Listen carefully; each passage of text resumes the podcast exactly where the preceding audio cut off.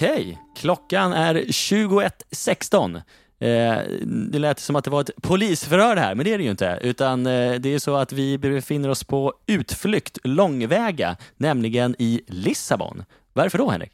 Jo, men för att vi ville göra insamlingspodden on tour. Vi ville ta med oss insamlingspodden när vi ska springa maraton här, för eh, imorgon jag är nervös. Imorgon smäller det. Då ska du och jag springa uh, maraton. Lissabon maraton. Mm, och vi är extremt eh, laddade. Det ska bli intressant att se om man kan sova någonting överhuvudtaget. Eh, det blir mycket analysera. Vad kommer att hända imorgon och så vidare. Vi har ju lagt upp en fin karta på loppet eh, på, på Instagram, insamlingspodden, där vi står framför banan och den kommer man väl gå igenom några gånger. Men eh, vi vill ju inte bara eh, prata springa i den här podden, utan det är ju så att eh, i och med det här loppet så har både du och jag startat egna insamlingar och vi eh, eh vill ju pröva hur är det att eh, göra egna insamlingar. Jag har gjort en till Neuro och eh, polyneuropatidagen som är eh, nästa söndag. Och du har gjort till förmån för Operation Smile såklart och vi hade ju då World Smile Day här igår. Eh, så att det följer sig väldigt väl för oss båda det här maratonet som låg eh, bland våra dagar.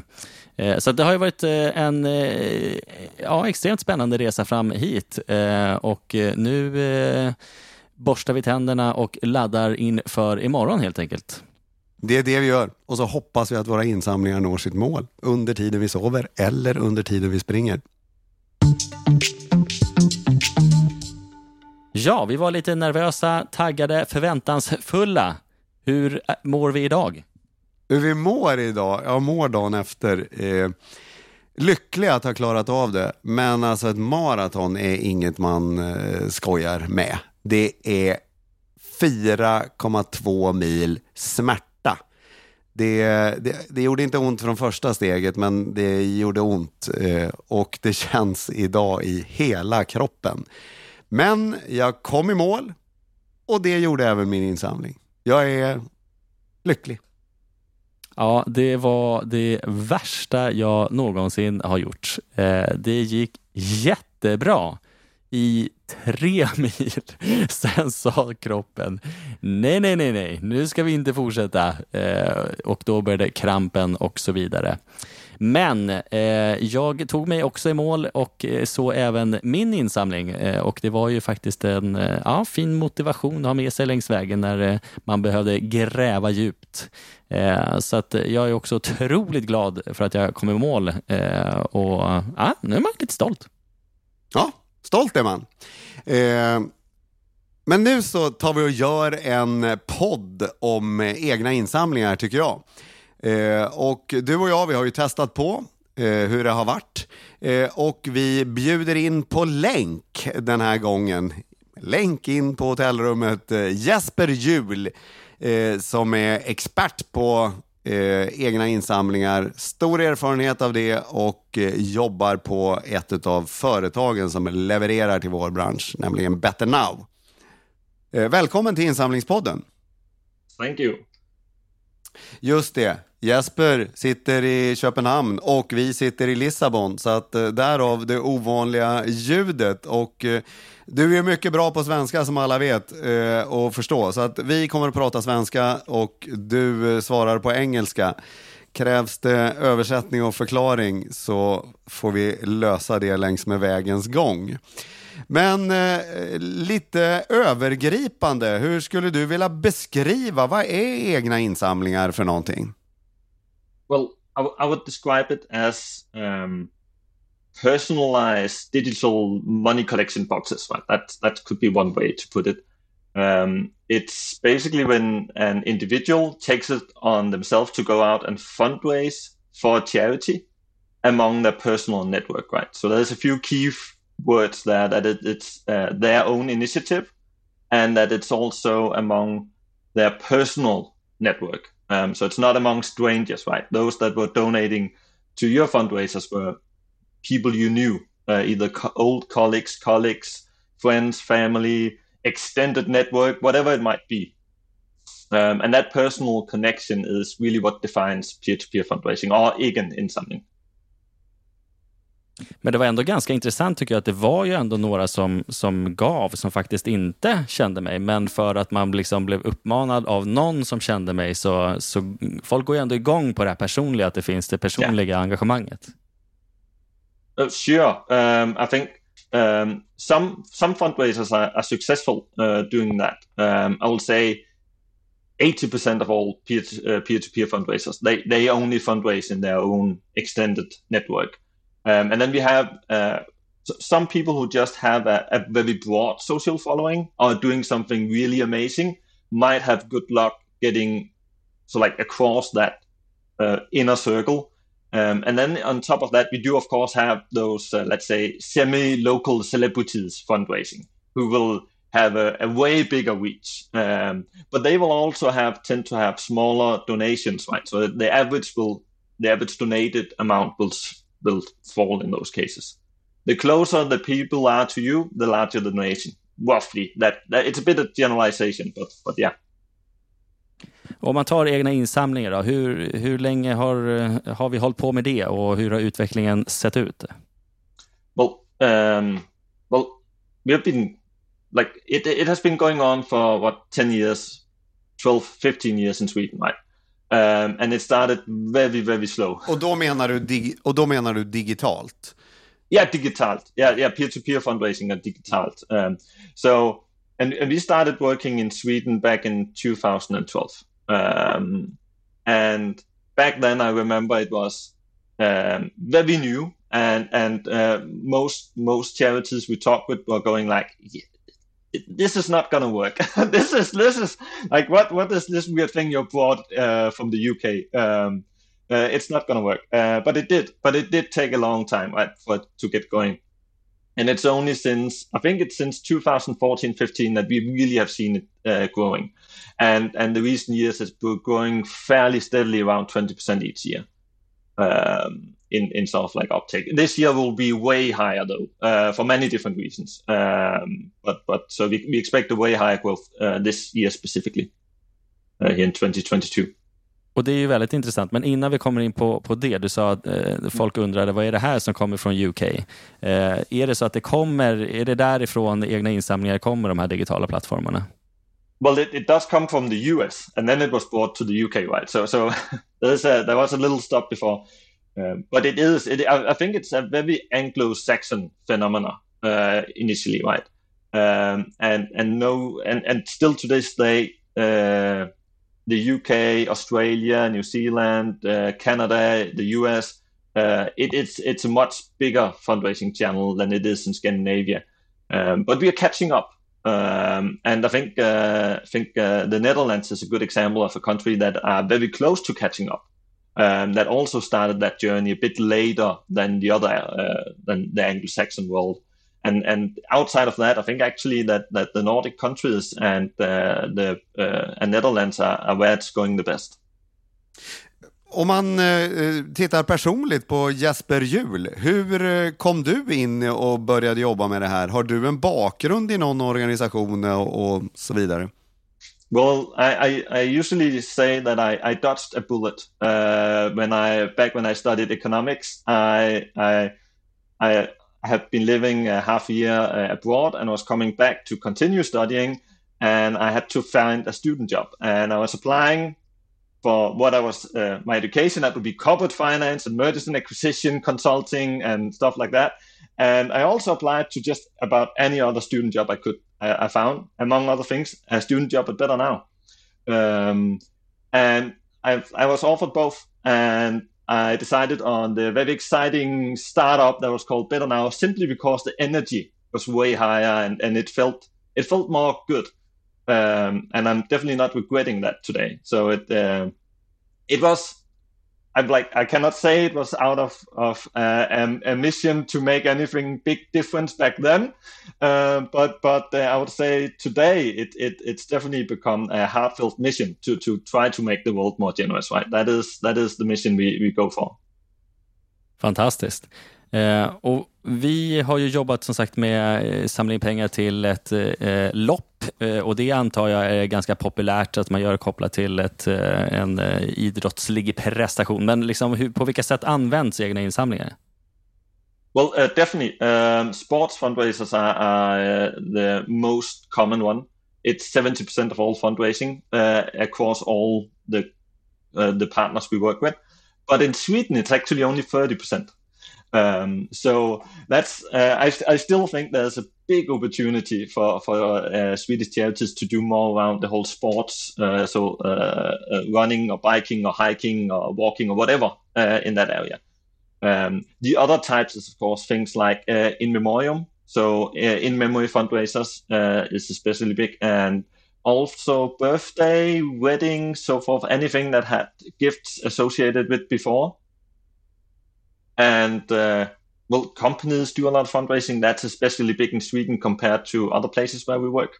So uh, we see many companies doing fundraising. Um, uh, and another fun thing about that is that it's actually quite different how companies fundraise in the Nordics compared to, let's say, the UK. Um, where we see way more gamification in the UK, where companies compete with other companies, or employees compete with other employees, or departments against other departments. We don't see that. Right? We, we see much more. It's an HR tool where people try to engage the employees, and the company might double the donations. But that's usually what we see. It's it, there's less competition and gamification, and it's probably something with our culture. Det, uh, det, det låter ju eh, som en bra beskrivning på, på just Sverige, att vi eh, eh, inte jobbar så. Men är det samma sak i Danmark? För som du sa, min släkt kommer ifrån Danmark och där är det mycket mer av, av competition. Men, men menar du att det gäller hela Skandinavien?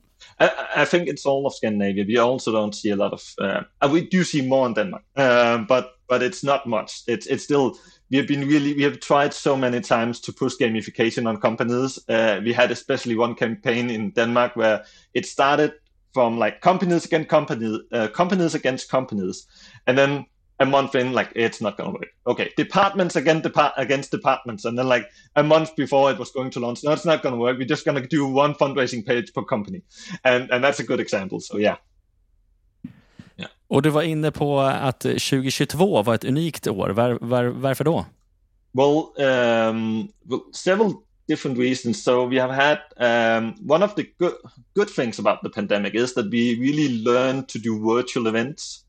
So uh, during this year, we've seen way more virtual sports events being launched. And since they have lower cost before they can be launched, like it's all digital communication, we've seen many more of our partners actually launching virtual sports events.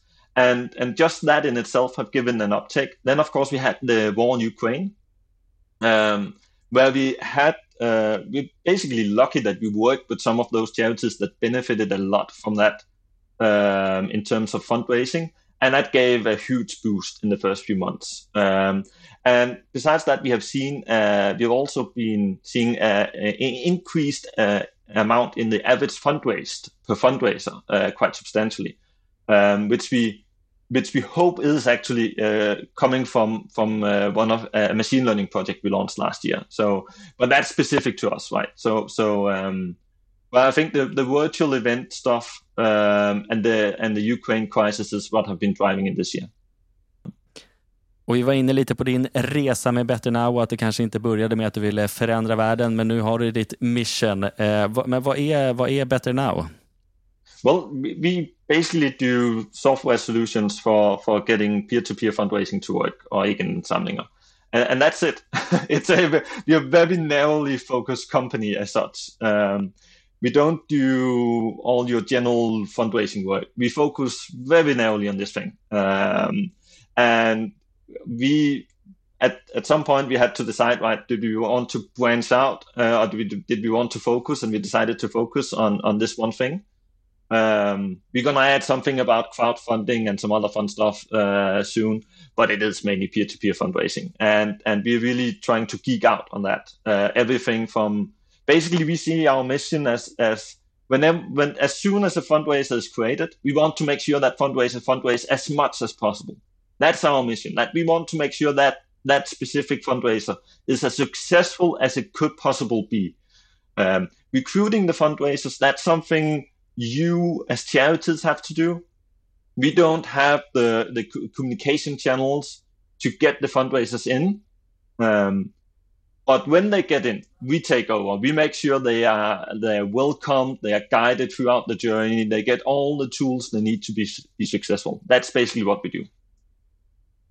Och det var ju några år sedan du började på, på Better Now. Jag antar att det måste ha hänt en väldans massa sedan dess. Men vad är de liksom stora förändringarna eh, då och, och, nu? The biggest, uh, the biggest changes over the years, well, it has been um, first of all that we finally realized that we shouldn't be a platform. Um, that was one of the biggest uh, uh pivotal moments of our of our life. Um, until 2013, 14, we were better now branded platform. Uh, probably still many charities in Sweden know us as a, a platform. Um, and today it's, it's less than 5% of what we do. Uh, and we basically realized we were a noisy middleman. No one cares about better now. Um, really no one. And everyone cares about you, the charities, the causes, right? Uh, and, and now we're just being, uh, standing in the background. Um, So, so that, that's probably the biggest uh, happen event. Eh, men för er måste det ju också ha varit en eh, eh stor svårighet när Facebook eh, drog igång insamlingar där.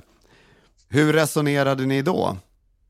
So, like Facebook fundraisers um, is something we are mainly happy about. And that's because it really been part of making it so much more common to go out and fundraise in your personal network. And I think it has really helped us. Uh, or Facebook have helped like promote this culture of fundraising, and so it's like to a large extent that has been a good part. Like it's probably a key reason why it has been growing so much the last few years. Um, and we had this special case in Denmark where, due to a change in Danish fundraising legislation, they actually had to close down Facebook fundraisers after a year, and then they reopened it a year after. Um, so we had this like natural experiment, and the funny thing was like we saw no difference in in our volumes.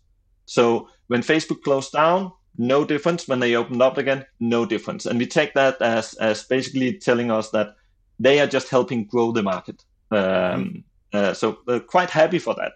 Uh, still, our recommendation is that if you actually have a tool on your own homepage, you should probably not promote Facebook. Uh, you should only promote your own tool but saying no to it, that would be rather um, like almost stupid. Um, so, so yeah. Ja, men det, det är ju lite min känsla också, eh, hur, hur det är. Facebook är ett bra skyltfönster, men, men eh, människor ger pengar i, i, större utsträckning på den egna plattformen. Ja, men också eh, det här med eh, att det känns som att det också är framförallt födelsedagsinsamlingar som hamnar på, på Facebook för att man får en påminnelse ifrån Facebook om det. Men om man själv mant vill starta en insamling, då är det snarare kanske via organisationerna. Stämmer det? Oh, yeah, definitely. I will say we have seen way fewer birthday fundraisers on our platforms. so, so that's definitely one thing we have noticed. Um, and and uh, but yeah, nu, eh, nu måste vi tillbaka till våra insamlingar som vi gjorde här känner jag. Ja, nej men vi har ju eh, inte bara sprungit utan vi har ju samlat in pengar också. Eh, och eh, jag har ju gjort det till eh, Operation Smile och du såklart till eh, eh och vi har ju haft lite olika upplägg för dem. Berätta, hur, hur har du jobbat med din insamling? Eh, ja, men alltså jag började min insamling en månad innan loppet. Eh, då startade jag den på vår hemsida där vi har egna insamlingar. Eh, och eh, sen så gjorde jag en film som jag bad Alfred på jobbet om att texta Eh, och lägga ut som berättade just att jag skulle springa maran och att jag under, då ville, under den tiden som var fram till den ville samla in pengar till de som drabbats av polyneuropati eftersom vi om en vecka har polyneuropatidagen. Det är vår kanelbullens dag eh, kan man säga. Eh, och eh, sen så ungefär en gång i veckan i början och sen blev det två och sen blev det tre. Jag ökade lite grann men totalt så blev det åtta inlägg på eh, Facebook och Instagram. Eh, och utöver det så gjorde jag nog lika många stories till. Eh, där jag uppmanade folk att eh, lägga pengar. Och eh, jag eh, använder faktiskt bara den lösningen som är eh, att man kan gå in och swisha direkt. En kortlänk som finns i våra egna insamlingar. så det var det jag gjorde och hur jag jobbade. Du startade ju väldigt mycket tidigare. Du har hållit på och hetsat sen semestern känns det som. Sen urminnes tider. Ja, absolut. Jag eh, eh, startade väl nästan två månader innan eh, och satte ju målet då på 4 219 kronor där varje krona skulle eh, vara eh, representera 10 meter som jag då skulle springa det här maratonet. Och jag tänkte att det där är ju väldigt mycket pengar så det där kommer ju ta tid så därför drog jag igång det ganska tidigt. Eh, men, eh, och jag gjorde lite, eh, lite samma grej där att jag hade, gjorde en film. Eh, sen så gick den filmen väldigt bra. Så att de här eh, 4 219 kronorna nådde jag ganska på en gång. Det gick väldigt fort första veckan där. Eh, och då blev jag så här, jaha, hur, hur, ska jag göra nu då? Jag kan ju inte liksom sluta insamlingen. Eh, och då bestämde jag mig för att höja målet och jag vet inte om det var bra eller dåligt. Det kan vi ju eh, prata om sen med, med Jesper här snart. Men eh, jag höjde målet till 9,6 då eh, och eh, det var ju en ganska stor höjning eh, och det är klart att det visade sig också att jag behövde ju då jobba ganska hårt för att få in de där pengarna sen för att jag hade ju samma målgrupp att prata med och många hade ju redan skänkt och det är klart att ja, någon gav ju igen och sådär men jag behövde ju verkligen pumpa på då så att de här två månaderna, eh, om du hade åtta inlägg så hade väl jag det, det dubbla på Facebook och Instagram men det var ju sociala medier som jag jobbade också. Men jag nådde mitt mål ändå till slut. Eh, och det, det jag gjorde, två saker som, som det här fick till följd, det var ju dels att jag i de filmer jag gjorde efteråt Eh, så räknade jag upp de människor som hade gett pengar och tackade dem i filmen. Och det känns som att eh, människor har liksom gillat det och man har delat det själv. Eh, plus att nu sista veckan så har människor delat inlägg mina inlägg i sina grupper att Henrik gör den här grejen och eh, samlar in pengar för polyneuropati. Och jag kan ju då se att människor därifrån har också gått in och gett pengar. Men hur är det då för en människa som vanligtvis lägger upp ett inlägg om året på sociala medier? Vad har du fått några kommentarer eller någonting? Ja, alltså mina sociala medier, precis som du är inne på, har ju varit ett inlägg per år ungefär. Så att, eh, det, blev väldigt, det blev fullt ös. Men det var eh, liksom intressant det där som vi var inne på, just med att du tackade de som gav. Och det var ju också lite skillnaden med Adovio för min del. att eh, Jag kunde ju inte direkt se vem som hade skänkt. Eh, och jag kunde, liksom, man kunde inte heller se varandra. Så att när, när jag skänkte till Henrik så, så dök ju min gåva upp där med mitt namn. Och det är ju lite fint. Då känner man sig verkligen som en del av det. Medan med Adovio och så är det ju en liksom bössa pengar in, men eh, det blir väldigt anonymt. Så, eh, så, på så sätt så tycker jag ändå att eh, eh din insamling var eh, bra på det sättet. Eh, men eh, Ja, det har varit fullt ös på sociala medier för min del och det är klart att det har varit blandade engagemangsnivåer på mina 18 inlägg eller vad det blev. Ovanligt mycket engagemang från din sida, sen måste folk eh, ha upplevt i din omgivning. Eh, jag har då använt eh, egna insamlingar hos oss som är en produkt ifrån Better Now. Jesper, du har suttit och lyssnat på det vi har pratat om. Eh, hur ska man tänka när man gör en egen insamling? Gjorde vi, du får recensera oss lite. Yeah. First, the, like what we usually the, the key thing to know is that you're fundraising from your personal network first, most, and, and foremost, and that means um, it's about your story like it's it's probably you should try to focus as much on what you're doing and your connection to the cause. Um, so it's it's very much driven by the individual or company creating the fundraising page. So that means great image of you, great personal description. That's sort of like the first few things. The next thing is it's incredible important to show commitment. So giving the first donation yourself is the thing we have seen in our data analysis giving the biggest impact. That is making the first donation yourself. Um, vi gjorde tvärtom, vi gav till varann. så att jag, jag gav till Teds insamling och han gav till min. Perfect. Yep. Also good. But it, it does like it does also show some some so like that it is the individual creating it, um, and we do a lot to highlight that actually, and then. Uh, trying to make, make that a large donation is the next thing because one thing we see is uh, an effect of anchoring and that's especially because you can actually see how much the pre- previous donors gave so if the fundraiser starts out with some high donations, that will anchor the donation amount for future donors. So people will come in and see, well, all the other from the family gave 500 Swedish krona. I should probably give not too far away from that, right? Um, so uh, and it's not it's so it's it's uh, yeah, and that's the effect called anchoring. Um, and så min snålgåva på 50 kronor till din insamling, den, den skärpte mer än hjälpte kanske? Möjligt att det var så, men jag är fortfarande så glad att jag fick. Eh, nådde målet. Det, var, det är fantastiskt. Jag är rörd.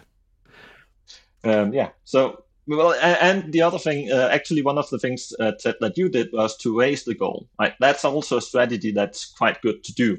Um, I would probably uh, raise it by fifty percent rather than uh, hundred percent. Um, as initially. Then you, yeah, and then you can always raise it again afterwards. Because Men blir man gives... inte lite irriterad då som, som givare? Liksom, om, eh, för att jag hade well, ju den här, ja det är 10 en, liksom, 10, 10 kilometer liksom, per eh, krona, eh, att det fanns ett liksom, koncept där och sen så helt plötsligt så bara, nej men nu, nu är det 9 och 6 som gäller. Nu har vi helt gått över till hur många operationer vi ska göra. no, no, uh, it, well, I cannot say for sure that no one will feel a bit irritated, but probably someone. But but I say I think it creates momentum, right? It creates that story of success, like oh man, we reached this goal. Now let's go for the next goal, and that that really creates. It also creates uh, several good reasons for sharing it again on social media. Uh, one of the things, especially when you're doing something really tough and have a fundraiser that goes on for a long time, right? So several, not just one or two months, but maybe half a year. Um, one of the most common uh, sports events thing in Denmark is to bike to Paris. Um, it's the classic Team Rynkeby setup, right? Where, and they will often start fundraising at least six months in advance. And they will often get several donations from the same donors.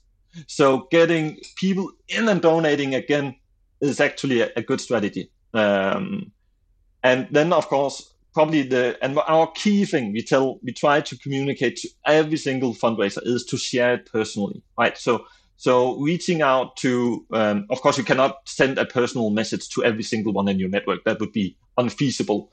But what you can do is, for example, to send one message to everyone that you play football with and one message to everyone who you work with, one message to all from your uh, your all high school mates, and one message so like referring to something you have in common, and that really can generate some some good results. Uh, that you do that because social sharing. There's so many things happening on your social media, right? So it's so easy to all of these posts. So that direct sharing is really something we try to encourage. För vi körde ju bara via sociala medier nu. Vilka andra kanaler bör vi ha jobbat med? Well, email um, and personal messaging, right? So I, I guess it's sort of like social media, depending on your definition, but reaching out through Messenger, uh, WhatsApp, uh, Snapchat, whatever, like uh, something that goes directly to the receiver that they cannot ignore. That's the key point. Um, it's not that much different from from traditional fundraising to that extent, right? The more personal and direct they ask, the better results. Um, so yeah.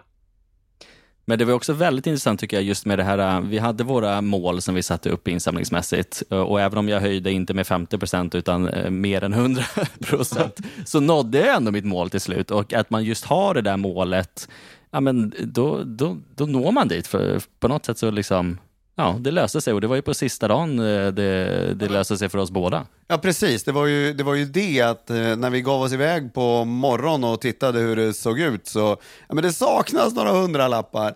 Och då, då var det just för mig så, så var det en eh, som sitter i vår styrelse som delade mitt inlägg eh, från när jag startade insamlingen. Att idag är Henrik ute och springer eh, det som jag skulle ha gjort om det inte hade varit så mycket strul vid starten. Men hon gjorde det och det gjorde att jag uppfyllde målet. Så när jag kom fram så är en av de första sakerna jag gjorde efter att ha eh, sett att jag fick en medalj, kramat Ted, tagit kort, så slängde jag mig i mobilen och kollade hur har det gått med insamlingen då? Och så såg man att den var full och då blev jag ännu mer rörd. Man var så känslosam efter att man hade sprungit. I actually think uh, that that feeling right you get when you reach your goal and you're fundraising and you're running, that connection. Uh, so like uh, you're of course special cases since you also work for the cause that you that you fundraise for. But let's say I'm I'm I'm doing this one in one in a lifetime thing, um, whether it's being a marathon or some other crazy running event or a biking event, and I did it for charity. Right, that charity will be in my heart and mind probably the rest of my life. And I think that's one of the key powers of peer-to-peer fundraising. Ja, men och det var ju också även för oss, även om vi jobbar med det som du säger, så, så eh, jag höll ju ett eh, tempo som eh, jag hade lite ambitiöst satt eh, och efter tre mil så insåg kroppen att nej men hörru du, det här tempot kan inte du hålla. Eh, och då blev det jävligt jobbigt. Eh, men då var det liksom en kraft i att man orkade gå i mål, det var att man hade den här insamlingen och lite på något sätt sådär, ja, jag måste ju gå i mål nu. Herregud, här har ju folk eh, swishat eh, av sina egna pengar för att eh, hjälpa mig på, på vägen då för att sätta den här organisationen. Nu kan jag ju inte avbryta, nu måste jag ju köra på. Ja, ja, det var ju takten man hade när man sprang. De har swishat, du ska i mål. De har swishat, du ska i mål. Det, det var ju liksom, eh, det, det var verkligen en sån sak som drev en och som gjorde att man blev ju väldigt, väldigt glad för att det var så, så mycket olika människor som, som har gett det. De som var från att man var barn och ung och till kollegor och, och, och till människor som inte ens känner mig utan som tyckte att saken är så himla bra, han springer, jag swishar. Jag swishar, han ska i mål. Jag swishar, han ska i mål. Tänkte de. ja, eh, men hur ska man som organisation då kun tänka med egna insamlingar? Och hur kan organisationer, nu skjuter jag två frågor på en gång, hur kan organisationer hjälpa de som insam, samlar in pengar på ett bra sätt? So I'll start with the first question. Um, Tack. Yeah, and and um, so if you are if you are a very large organization, you might have success with just doing the um, just doing the um, inviting all of your supporters to do something like something creative whatever you want to do. But and but that is in general people are not that creative and they need to be helped along. And that means that you need to bring some packages to the table like something you can do this thing when you fundraise and you will it will happen like this and this is what you should do and this is what you can expect So in sort of like in communication wise. Men hur långt i förväg ska man göra det? För vi har ju testat lite grann med det och haft eh, kampanjer som, som ändå uppmanar till eh, och uppmuntrar till egna insamlingar. Men precis som du säger, att eh, hinna vara kreativ är svårt, men även om man kommer med ett koncept så måste man ändå ge folk tid. Så hur långt innan bör man börja? Well, it, it depends on the type of concept, right? So uh, let's say it's birthdays or in memory fundraising. That concept you cannot go out and promote to the same extent because you actually need to have someone that you knew who died or you need to have a birthday coming up or wedding like so it, that doesn't work. There you need to constantly communicate the option to your supporters so that when it happens they go remember that. Oh yes now i have my 40 year old birth my 40th birthday coming up. Maybe i should donate it right? Because they have heard so many stories about it up until that moment on the other hand, we might have like sports events, virtual events, things that's sort of like fixed in or campaigns that's fixed in time. And there you can sort of like communicate up against it uh, in advance and, and do it. And how much you should do that and what time period that really it like it depends so much on the context. It's difficult to give a clear answer to that. Um, depends on the type of the event. If it's a virtual event, you can probably do it very short, uh, not that fine in advance. Are you organizing an event where you will have people biking from Salem to Skåne? Well, you should probably announce that pretty far out in the future because people need to train and so forth. So it really depends on, on the type of event um, you, you're trying to go out with. Um, and it doesn't need to be sports is another thing I will just mo- mention. Like one of the more successful one we are seeing is, for example, here in November, we have Mustache Kampen coming up. Um, that's a good example of an event that doesn't involve sports as such, um, but you have something you can do that's social, it's fun, it's a good activity, and that's a good example of a campaign that also where you can do the communication like fairly short before. Um, uh, you don't need to so like clear your calendar to grow a mustache, basically. Men eh, på tal om virtuella event då, så eh, hade vi ett, eh, eh du hade ju polyneuropatidagen. vi har ju World Smile Day som vi har haft i eh, anslutning här till vårt maraton som vi har sprungit och då hade vi en kampanj för det och då har vi också haft ett virtuellt lopp just. Men då har ju det varit att man betalar liksom en anmälningsavgift för att vara, för att vara med i det här loppet. Eh, men hade ett bättre alternativ varit då att ha ett liksom öppet virtuellt lopp som man inte betalade för men be folk att samla in pengar till det? I would say yes, uh, but it it again it depends. On, yeah, yeah, exactly. I, am I'm incredible bias. No, it again it depends on the event type. Um, if you have an event where there's like let's say uh, okay, I know that for some people a five kilometer race might be a tremendous uh, effort and challenge. But if you have a five kilometer run that you are inviting people to take part in, that might not be the best thing for a fundraiser, except if the people taking part have a very personal connection to the cause. So let's say it's a cancer survival walk, five kilometer walk. You should definitely do peer to peer fundraising. That's going to be the biggest driver of, of income then, because the stories they tell are incredible.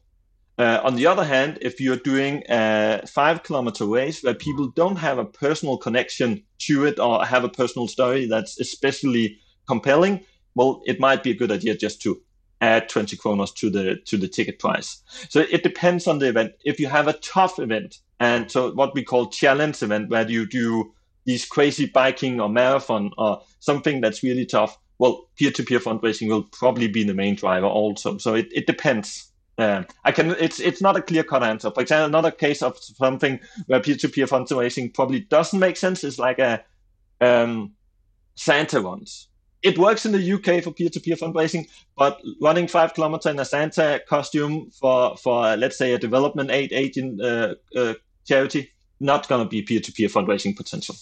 So it depends. Om vi tittar på framtiden för, uh, du får titta i, i framtidskulan. Hur tror du att framtiden för eh, egna insamlingar ser ut? Eh, kommer det in nya moment? Eh, kommer ni att agera annorlunda? Eller hur kommer det, vad kommer hända tror du? Kommer svenskar bli bättre på idrottsinsamlingar? Oh. I, I, definitely think that that will happen uh, for sure. Uh, that we will see more sports events uh, because I, I, I, can already now say there's quite a few coming up. Um, from inside information, right? So so there will be more there. Um, and on top of that, I like it's like I'm currently I'm also a bit afraid in terms of just uh, general recession thing. Um, I'm, I could I could expect that we will see lower donation averages and stuff like that. Maybe even fewer people fundraising over the short term. Um, if if we start to see like higher interest rate and so forth, but that's that's sort of like hopefully short term. Um, longer term, I think the trends will be uh, more sports events in Sweden. I think we will see more campaigns. Until now, it had been very much driven by these birthday companies, um, in memory fundraising uh, in Sweden, and that's something that have happened. It's difficult to control. It's difficult to scale. It's not a repetitive uh, um, fundraising machine that you can just like turn on and off. I think we will see more campaigns either on sports or other events because you can scale them either through advertising or through other things where you can sort of like push them out and, and see it sort of like generating something that's fairly predictable. And so like going towards that is something I think we'll see in the future. Jesper, det har ju varit jättekul att ha med dig här. Jag måste bara, en, en, sista fråga. Vi vet ju att det är många som lyssnar på det här och så sen så tar man lite rygg på det. Men det, det vi pratar om. Eh, och om du skulle säga en organisation i Sverige som man ska titta på hur de arbetar och, och lära sig av, vilka skulle du tipsa om då? Well, um, a good organization in Sweden to look at that would be I'd probably say one to look at would both be um, Jernfonden, and the other one would probably also be something like Barncancerfonden. We don't work with them, but but I do think they're doing some great work in that area. Um, and likewise, um, I, I have all, like we yeah, I think those two would probably be where I would go look. Um, in general, health charities. Ja, bara Järnfonden är ett intressant span. Jag har fått ganska mycket annonsering senaste tiden om att just starta en egen insamling till, till förmån för dem. Och det är inte så många organisationer man ser som faktiskt annonserar för, för just det, så jag reagerade ändå. Uh, Jesper Jul, det är härligt eh, efternamn tycker jag. Eh, det har varit fantastiskt, eh, både lärorikt och ett bollande med dig här i, i kring egna insamlingar och fått en liten recension av dina och mina.